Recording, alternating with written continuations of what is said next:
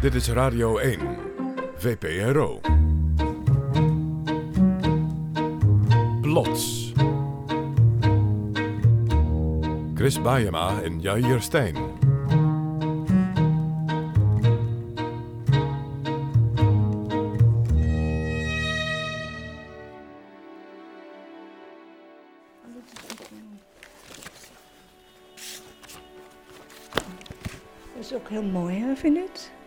Dat was mijn vader, mijn moeder. En dan de jongste ging bij mijn vader. En dan werden mijn oudste zus en ik gedrapeerd. Nou, het is een redelijke familie, toch? Dit is Hampie Meurs.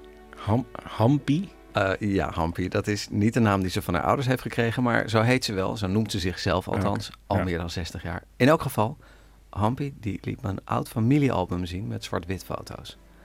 Ze was een jaar of twee, Mhm. blond, met een strik in het haar, een wollen truitje aan. En ik vroeg haar bij het zien van die foto's, wat zie jij nou op die foto's wat ik niet zie? Dat ik een heel schattig meisje was. Ja, dat klinkt heel raar. Een foto ook. En dan denk ik, wat een schatje. Ja, het is een ontzettend leuk kind. Heel ernstig. Heel, heel schattig. Ja, ik vind mezelf niet zo'n vreselijk iemand. Ik vind mezelf best een grappig kind.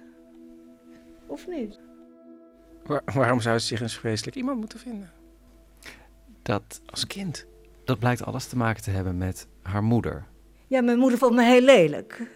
Ja, echt waar, heel lelijk. Dat zei ze ook altijd. En dat vond ik als kind nogal erg. En dan vroeg mijn moeder wel eens aan de dokter, ja... Dit is toch eigenlijk niet echt ons kind, hè? Die is zo anders. Je eigen moeder. Ja, hier je eigen moeder. Ja, en het, het erge is, dit bleef niet alleen zo tijdens haar jeugd. Ze heeft eigenlijk haar hele leven een vrij moeizame relatie gehad met haar moeder, om het zachtjes uit te drukken. Haar moeder is heel charmant, heel geestig, kon goed verhalen vertellen blijkbaar, maar ze kon ook verschrikkelijk zuigen. Dan zei ze... Ik vind het zo, zo erg dat je alleen maar in het onderwijs hebt gezeten. Zo zielig voor je. En dat het ook nog fout is gegaan. En dat je ook nog kanker hebt gekregen. Zo zielig voor je. Ja, want die andere twee... dan kreeg ik het verhaal. Wat een gelukstory en kinderen en een carrière en alles en zo. En dat is echt tergen. Het ging zelfs zo ver dat ze haar moeder wel eens halverwege het kerstdiner gewoon weer terug naar huis hebben gebracht, omdat ze zo onmogelijk deed. Echt? Ja, en haar moeder was toen al hoogbejaard. Ik kon af en toe zo kwaad, als kind al, zo kwaad op te worden. Ja, ja en ze is dood, dus ze kan me nooit meer kwaad maken. Heerlijk. Ik vind het heerlijk dat ze dood is, echt waar. Ik vind het ook dat het heel lang geduurd heeft. 97. Dat is heel lang hoor. Ze heeft ook nooit echt afscheid van haar moeder, totale afscheid genomen. Dat is nooit gebeurd. Nou, het bizarre is, het bleek dat ze eigenlijk heel erg goed contact heeft gehouden met haar moeder tot het einde. Ze ging bijvoorbeeld elke week met haar ijsjes eten op het Museumplein in Amsterdam. En elke week hadden ze slaande ruzie. En ze liet me een ingelijste foto zien waar ze samen met haar moeder op een bankje zat. En Ja. daar staat ze gewoon Een hele vrolijke foto. precies. Ja. Hartstikke vrolijk zien ze eruit. Aan de ene kant hadden we echt heel vaak bonje. En aan de andere kant, als je die foto ziet, denk je... wat een leuke moeder met wat een leuke dochter. En het gekke is, ik mis het ook nu. We hadden het toch ook heel leuk samen. Ze was best heel leuk. Je houdt, je houdt een foto voor mijn neus om het te bewijzen. Oh ja, maar dat kan niet op de radio. Dit is Plots met wonderlijke ware verhalen rond één thema. En deze keer is dat... familiealbum. In elke familie zitten drama's verborgen die je niet ziet op de foto's, die eigenlijk alleen bekend zijn bij de familieleden zelf. En vandaag in plots portretten van families zoals ze werkelijk zijn. Dus niet die plaatjes van glimlachende mensen, maar beelden van binnenuit als de camera's alweer verdwenen zijn. Met alle dubbele gevoelens die families oproepen.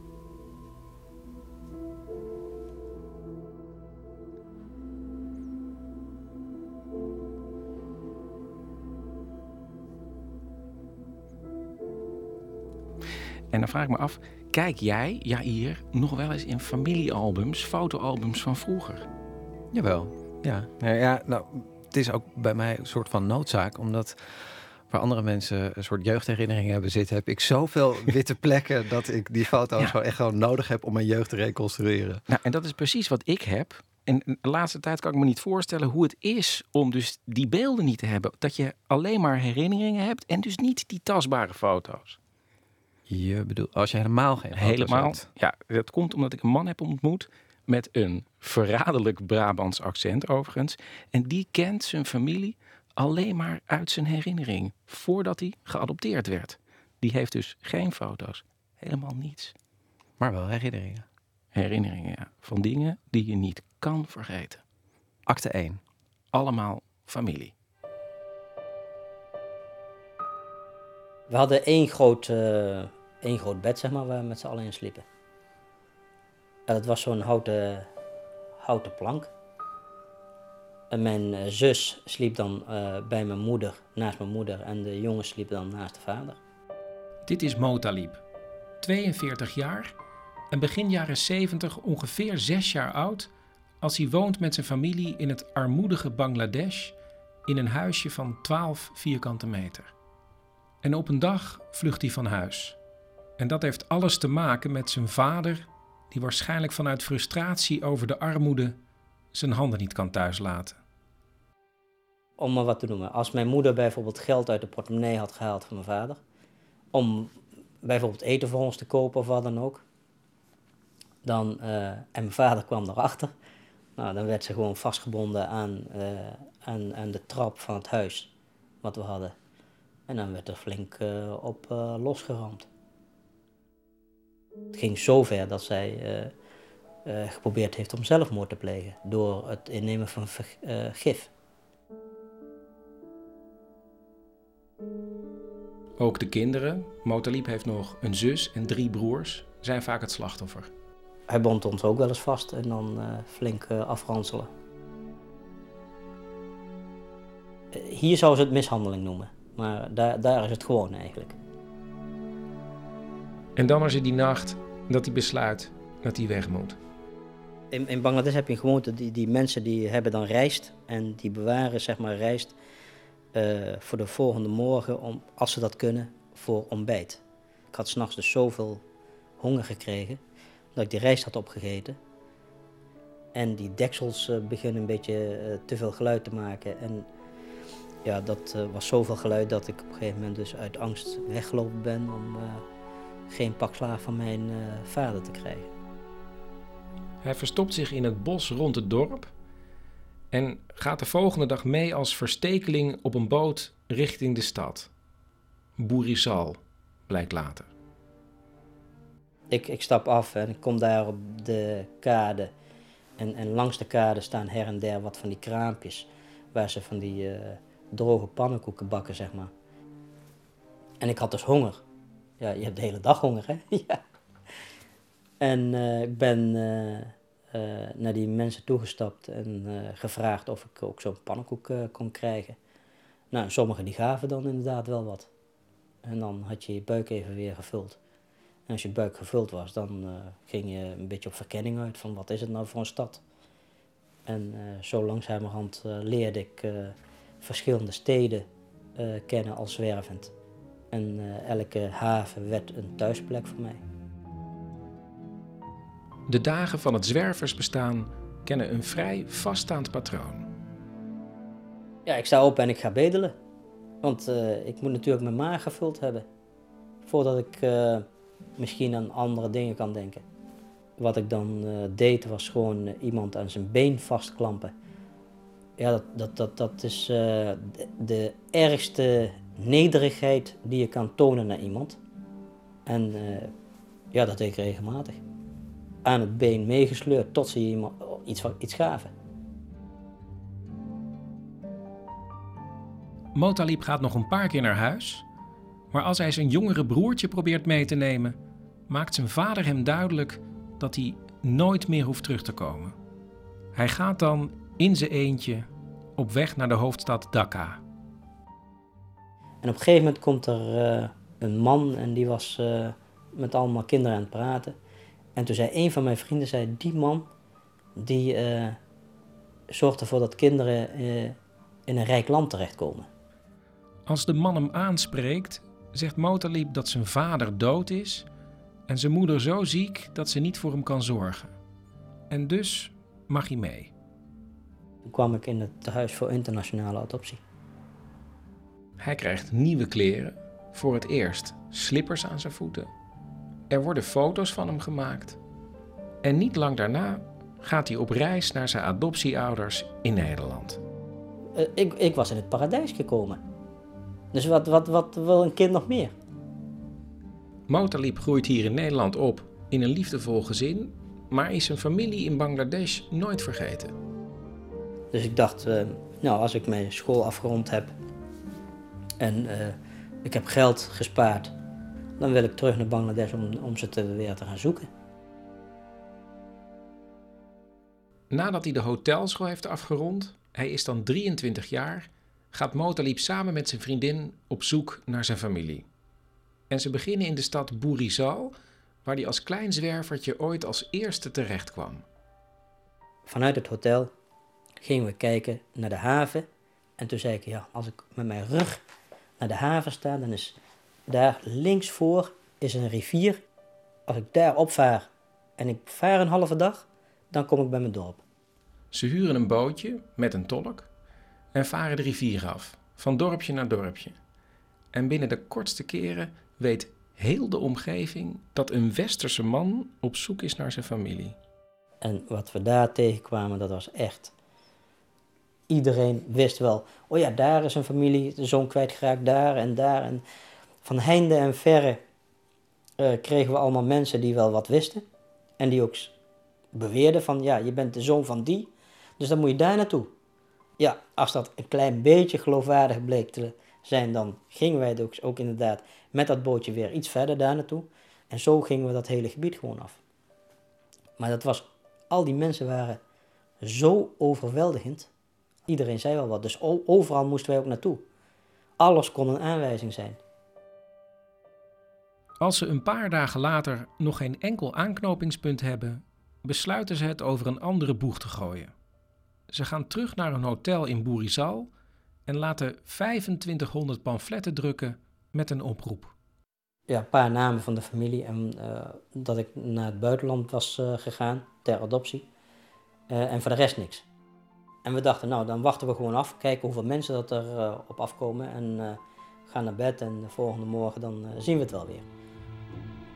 We staan op en je gelooft het niet, staan s'morgens vroeg al horden mensen voor dat hotel. Echt horden mensen. En die stonden dus van 's morgens vroeg tot 's avonds laat stonden ze voor het hotel. En dat tien dagen lang. Ja, die wilden dus allemaal met ons praten. Niemand had kunnen realiseren dat er zoveel mensen op zouden afkomen. Dus wij waren, stonden 's morgens op. Eerst wat we deden was natuurlijk wassen en snel even wat eten. En daarna, hup, begonnen de interviews op ons hotelkamer. Alles, alles is, je kunt het niet voorstellen, alles is langs geweest. Ooms, tantes, broers, zussen, eh, eh, zelfs eh, een, een jongen. Nou moet ik echt gaan staan, die was zo lang, echt een Bengaalse jongen. Die was, ik denk, bijna tegen de twee meter aan. En die zegt van, ik ben jouw broer. Nou, ik denk, dan, wat is er met mij gebeurd dan? In godsnaam, wat, wat is er? En dan krijg je iemand die zegt van, nou, doe maar jouw blouse even uit zo. En dan zie je, hier heb jij een vlek. Een moedervlek of wat dan ook. Dat deed hij. En dan trok hij gewoon mijn shirt eventjes uit. Zo. En dan Als ze dan voor de rest geen aanwijzing hadden, was het snel weer naar buiten gewerkt. Na tien dagen zonder enig resultaat besluiten ze te gaan stoppen. Echt op het allerlaatste moment. En dan komt er een jongen en die zegt, ik ben je broer.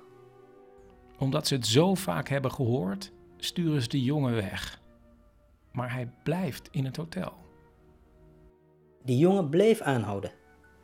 Ging die met de manager van het hotel praten. De manager die hadden wij heel veel geïnformeerd over hoe en wat.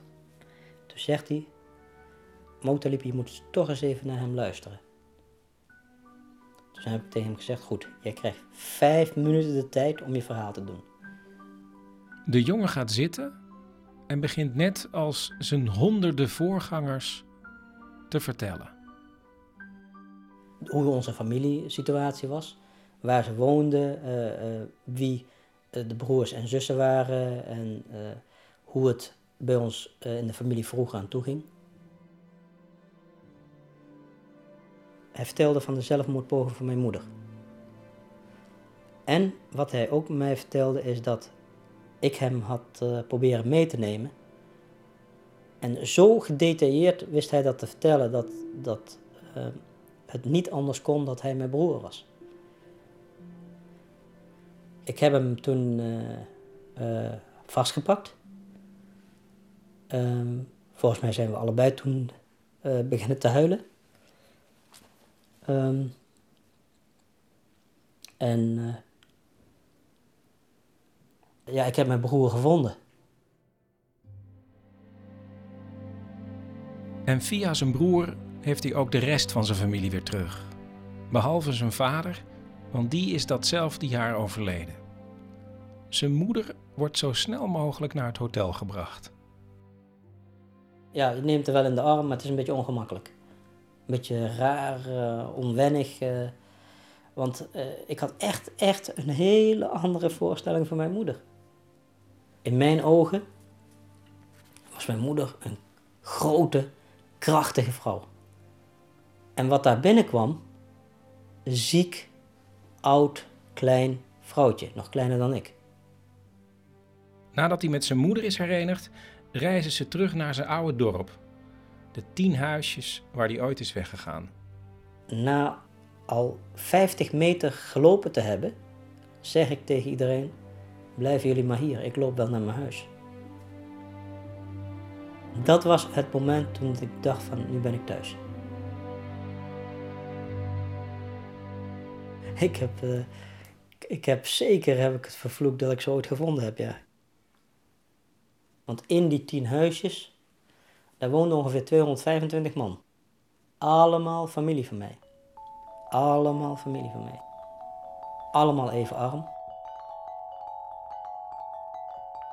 De cultuur in Bangladesh zit zo in elkaar dat als iemand van de familie rijk is, dan zorgt hij voor de rest van de familie.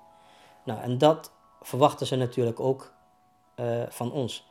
We kochten al kleding voor die hele familie, die 225 man. En ze hadden dus ook de verwachting dat wij gewoon eten en alles voor die hele familie zouden zorgen. Nou, dat hebben we wel meteen aangegeven dat we dat op een gegeven moment niet konden, want ons geld raakte op. En, ehm, maar we hebben wel gezegd van, we gaan weer terug naar Nederland en we komen terug om jullie te helpen. En over hulp wordt in de familie nogal verschillend gedacht. Ja, mijn moeder wilde gewoon dat, dat ik het geld gewoon aan hun gaf en, en, en eh, dat ze gewoon zelf konden doen en laten wat ze wilden. Motalib en zijn vrouw hebben echter een heel ander idee. Ze zetten een stichting op die projecten moet financieren. Zijn broer heeft wel een idee. Hij zegt, geef dat geld maar, ik zet een grote fabriek op. Ja, ik denk, iemand die niet kan lezen, die niet kan schrijven, moet hij in godsnaam een fabriek opzetten? Dan een andere broer. Die wil een geitenfokkerij beginnen. Hij krijgt 15 geiten. We komen terug in Bangladesh, alles is verkocht. En dan was er ook nog de ploeg, de landbouwploeg. Nou, wie kon er onderhoud doen? Niemand. Dus de machine was binnen een jaar kapot. Alles, letterlijk alles wat wij opzetten, mislukte. Met de familie. Alles mislukte.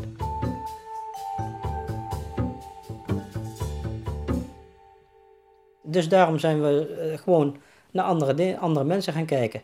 En met de instelling, als wij het gebied kunnen ontwikkelen voor de familie, dan gaat de familie daarin mee. En dus is de stichting de afgelopen 17 jaar van alles begonnen. Ze hebben een agrarisch project in de omgeving met een bereik van meer dan 3000 huishoudens. Ze hebben twee klinieken geopend voor moeder en kind, 13.000 patiënten per jaar. Ze hebben twee weeshuizen en een waterproject voor 1 miljoen mensen. En zijn familie? Zelfde situatie als, als waar het mee begon. Dat zij gewoon verwachten dat je ze gewoon alleen maar geld blijft geven en voor de rest interesseert ze allemaal niet zoveel. En toch, ondanks alles, Ik ben hartstikke blij dat ik mijn familie gevonden heb. Eh, het, het heeft mijn leven compleet gemaakt. Het gemis van eh, eh, het niet weten of je familie nog leeft, dat, dat gemis is er niet meer.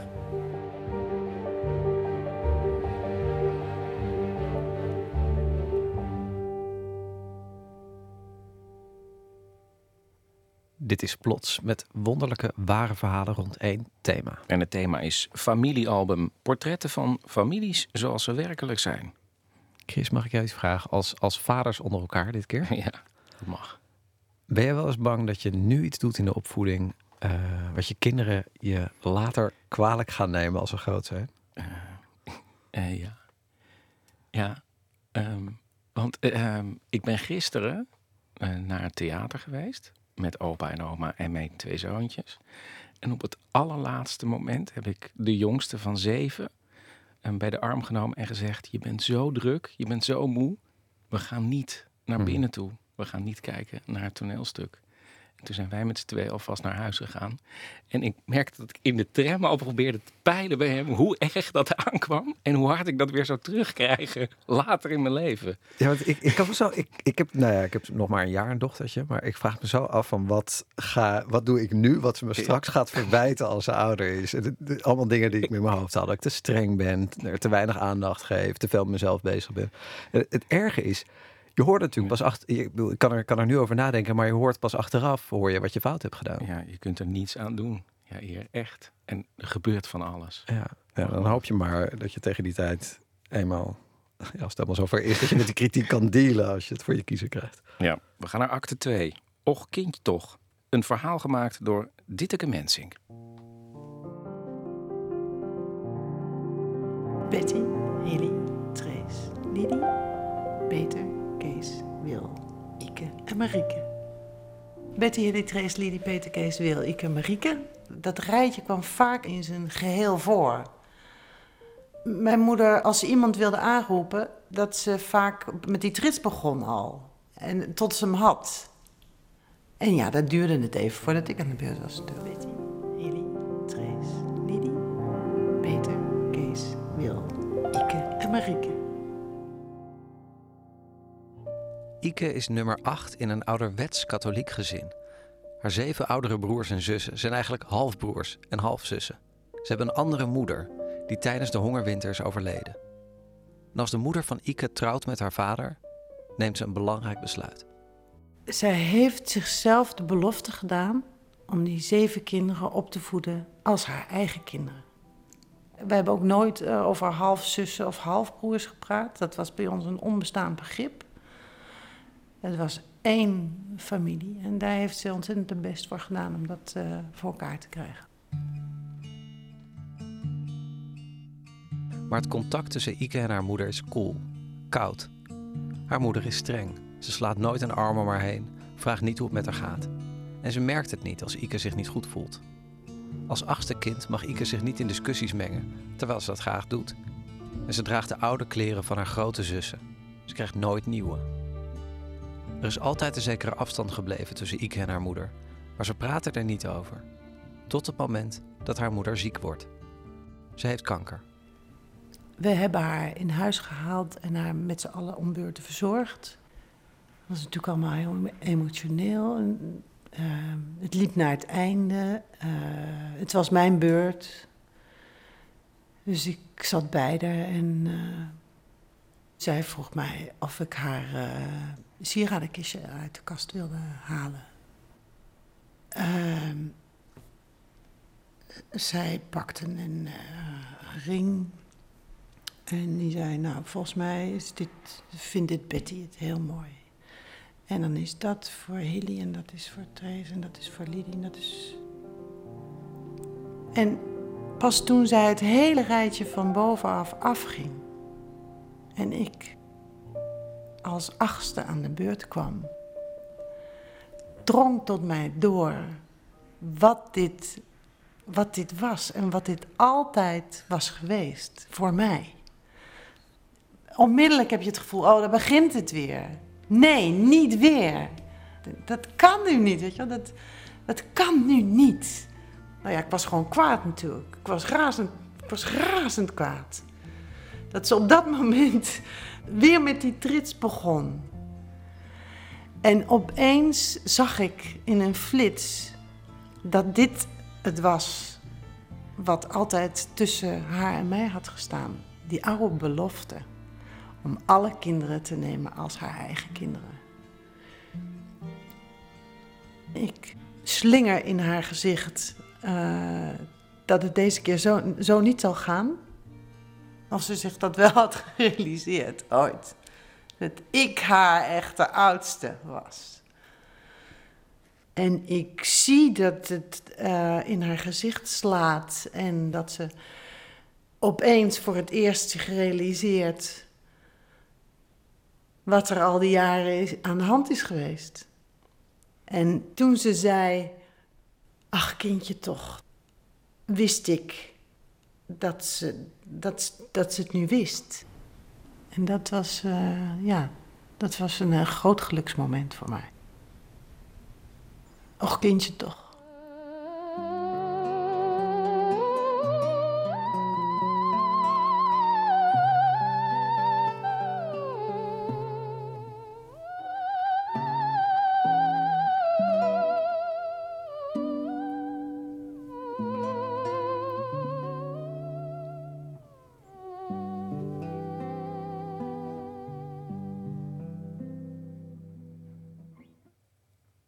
Wie we zijn is natuurlijk niet alleen het resultaat van de keuzes die onze ouders hebben gemaakt. Het gaat eigenlijk veel verder terug naar onze grootouders, onze overgrootouders. Ga zo maar door. Ja. Het volgende verhaal begon vier generaties geleden, maar werkte door tot op de dag van vandaag. Acte 3, schilderijtjes. Een verhaal gemaakt door Stefan Heidendaal. Ik bewaar alles. Ik kan nooit iets weggooien. Want ik kan het altijd nog gebruiken.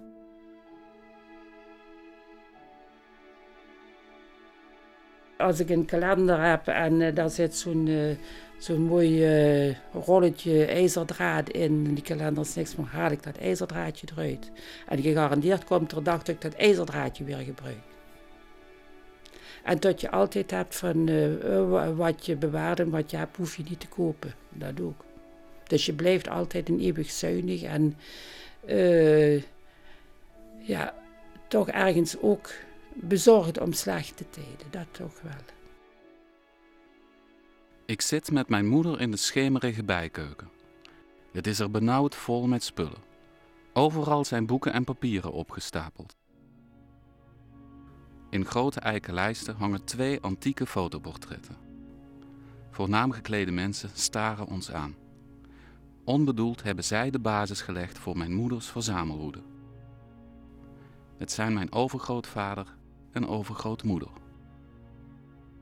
Ik vind het een statige man met een, uh, een grote snor en een sekje. En uh, ernaast hangt een uh, mevrouw die erg ouderlijk gekleed is, maar ze was op die foto 50 jaar.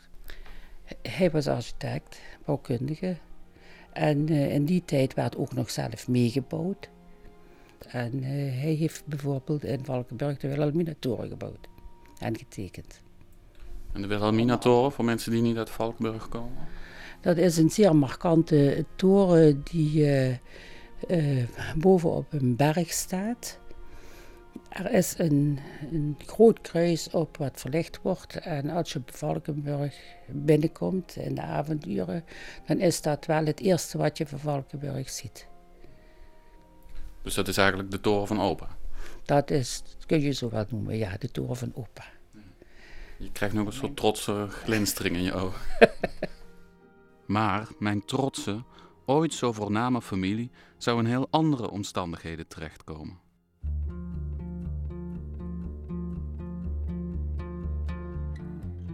We hebben nooit honger gehad, maar ik weet wel dat we bijvoorbeeld met zeven mensen op vrijdag moest er een vis gegeten worden, twee haringen hadden.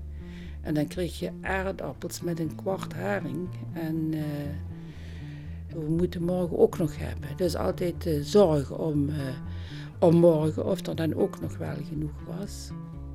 Hoe arm waren jullie dan? Arm. Erg arm, ja, denk ik wel. Ik denk wel dat we erg arm waren. We, we kregen 11 gulden per week van de gemeente, zo noemde men dat. En eh, ja, eh, m- mijn moeder had last van aanbijen. En die had zelf gekocht een toiletpapier, want vroeger veegde je met een krantje gaat af. En eh, nou, je moest altijd alle rekeningen inleveren. En dan stond er een kruisje, een kruisje bij, dit is overbodige luxe. De zalf voor, de, en dat was over, en toiletpapier was overbodige luxe. En als het nog eens voorkwam, werd het gekocht op je uitkering. Mijn familie had bijna niets in die tijd, maar ze hadden één houvast. Twee schilderijen van onschatbare waarde. Het- Het was eigenlijk eh, het enigste wat je had, wat je misschien ooit ten gelde kon maken.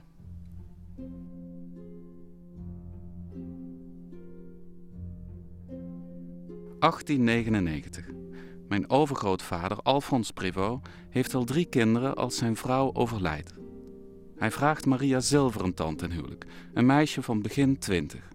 Maria is zijn huishoudster. Het huwelijksaanzoek, zo is mij verteld, was het volgende. Als jij goed genoeg bent om mijn huishouden te voeren, dan kun je ook met me trouwen. Dan ben je ook goed genoeg om met me te trouwen. En wil je dat dan? Maria trouwt met Alfons, een man die bijna 30 jaar ouder is, en samen krijgen ze nog drie kinderen. Jarenlang stromen de opdrachten binnen, maar dan begint zijn architectenbureau langzaam in de problemen te komen. Iets waar mijn overgrootvader zich maar moeilijk aan kan aanpassen. Ik heb het idee dat hij niet zo zakelijk was. eh, want als er eh, rekeningen open stonden, dan zei je, ja, maar die mensen hebben het nu erg moeilijk. Dat komt wel. Hoe slecht de situatie financieel is, wordt pas echt merkbaar als de broer van Maria overlijdt en vier kinderen achterlaat. Op verzoek van de kerk worden de jongens in huis genomen. In totaal brengt dat het aantal kinderen dus op tien. Tot overmaat van ramp klopt een andere broer aan voor hulp bij de verzorging van zijn ernstig zieke vrouw. Geld heeft hij niet, maar wel een vergoeding in natura.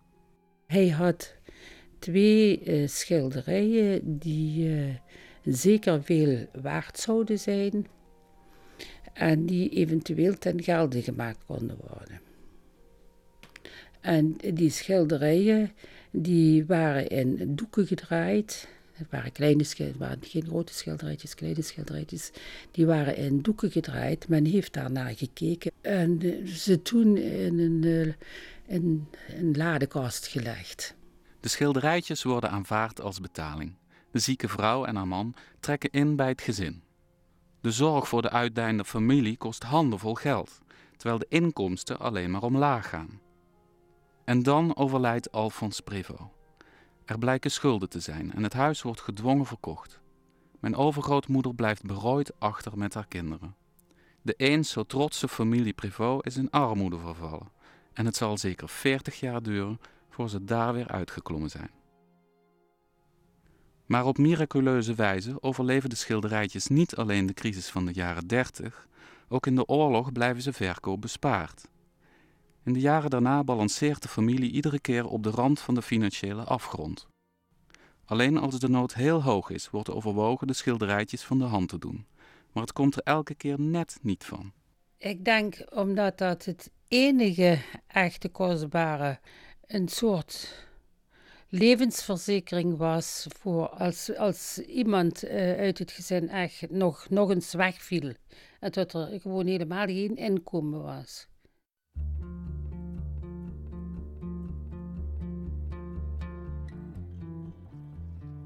In 1955 overlijdt Maria Prévost en neemt een van haar dochters, mijn oma, een voor de familie ongekend gedurfd besluit. Toen zei mijn moeder van, nou weet je wat, wij gaan ze eens ophangen.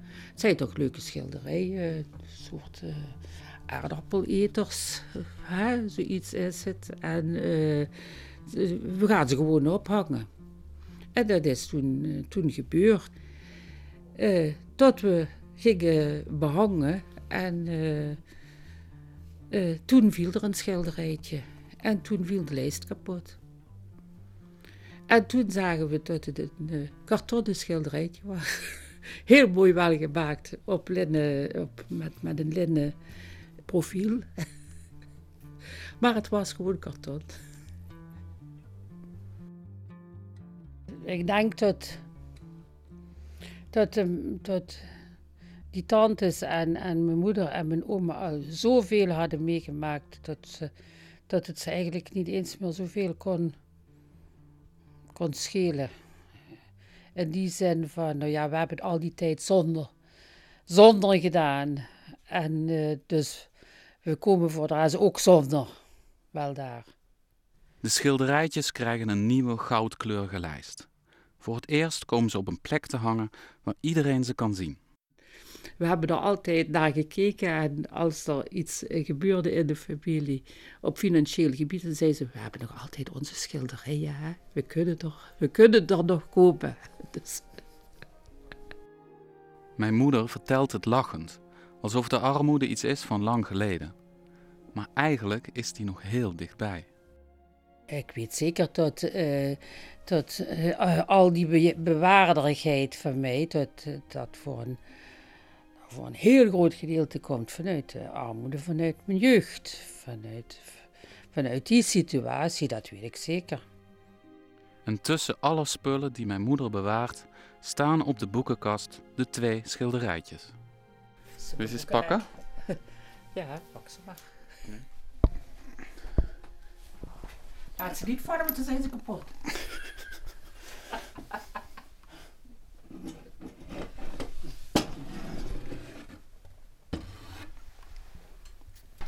Dit zijn ze. Dit zijn ze. Uh, op de ene staat is een soort omgekeerde ton waar een grote uh, keramiekschaal op staat. Er zitten drie mensen omheen en die zitten met een lepel uit die schaal te eten. Uh, het is blijkbaar een oud huis, want het is niet helemaal gestukt. Je ziet door bij de vensterbank zie je nog de stenen doorkomen. Met andere schilderij? En het andere schilderij, het zijn volgens mij dezelfde mensen als het ene schilderij. En het schijnt wel dat ze welvarender zijn geworden, want het huis ziet er ook beter uit. Dus eigenlijk, dit, dit vertelt een soort geschiedenis van, van naar armoede welgestelder worden. Ja, dat weet ik niet. Hè. Het kan ook zijn dat ze het slechter hebben gekregen. Je kunt het ook omdraaien, dat ze eerst in goede doen waren en toen naderhand uit een schotel met pap moesten eten. Maar dan zouden deze schilderijtjes precies de familiegeschiedenis vertellen. Ja, als je het omdraait wel hè.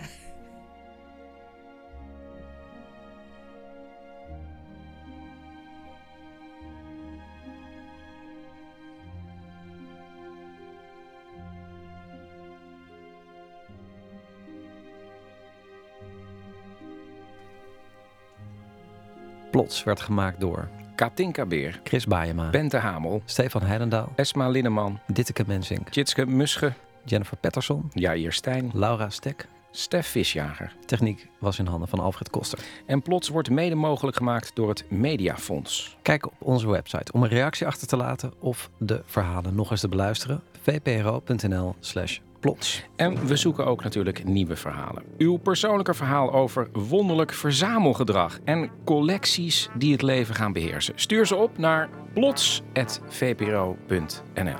Voor onze aflevering Verzamelaars. Volgende week Instituut Itzerda. Straks Bureau Buitenland met Harm Edebotje. En plots is er weer op de laatste zondag van de maand. Valt volgende maand op 27 november, kwart over zes weer. Het thema is dan dromen. En omdat deze muziek er echt om vraagt, mag het van mij, ja eer, want je wilde eigenlijk stiekem nog iets doen. Ja, wat je ik- eigenlijk niet mag doen hè, als radiomaker. Ik heb Doe het dan maar. in tien jaar bij de radio ook nog nooit gedaan. Mag ik zeggen, je wilde groeten doen. Ik wil- namelijk. ja, je wilde alle- groeten doen. Aan mijn familie. Dus dat past wel weer bij het thema. Ik wil inderdaad de groeten doen aan mijn broer en zijn vrouw. Eh, mijn broer heeft namelijk vanmiddag een derde meisje gekregen. Zij heet Rivka.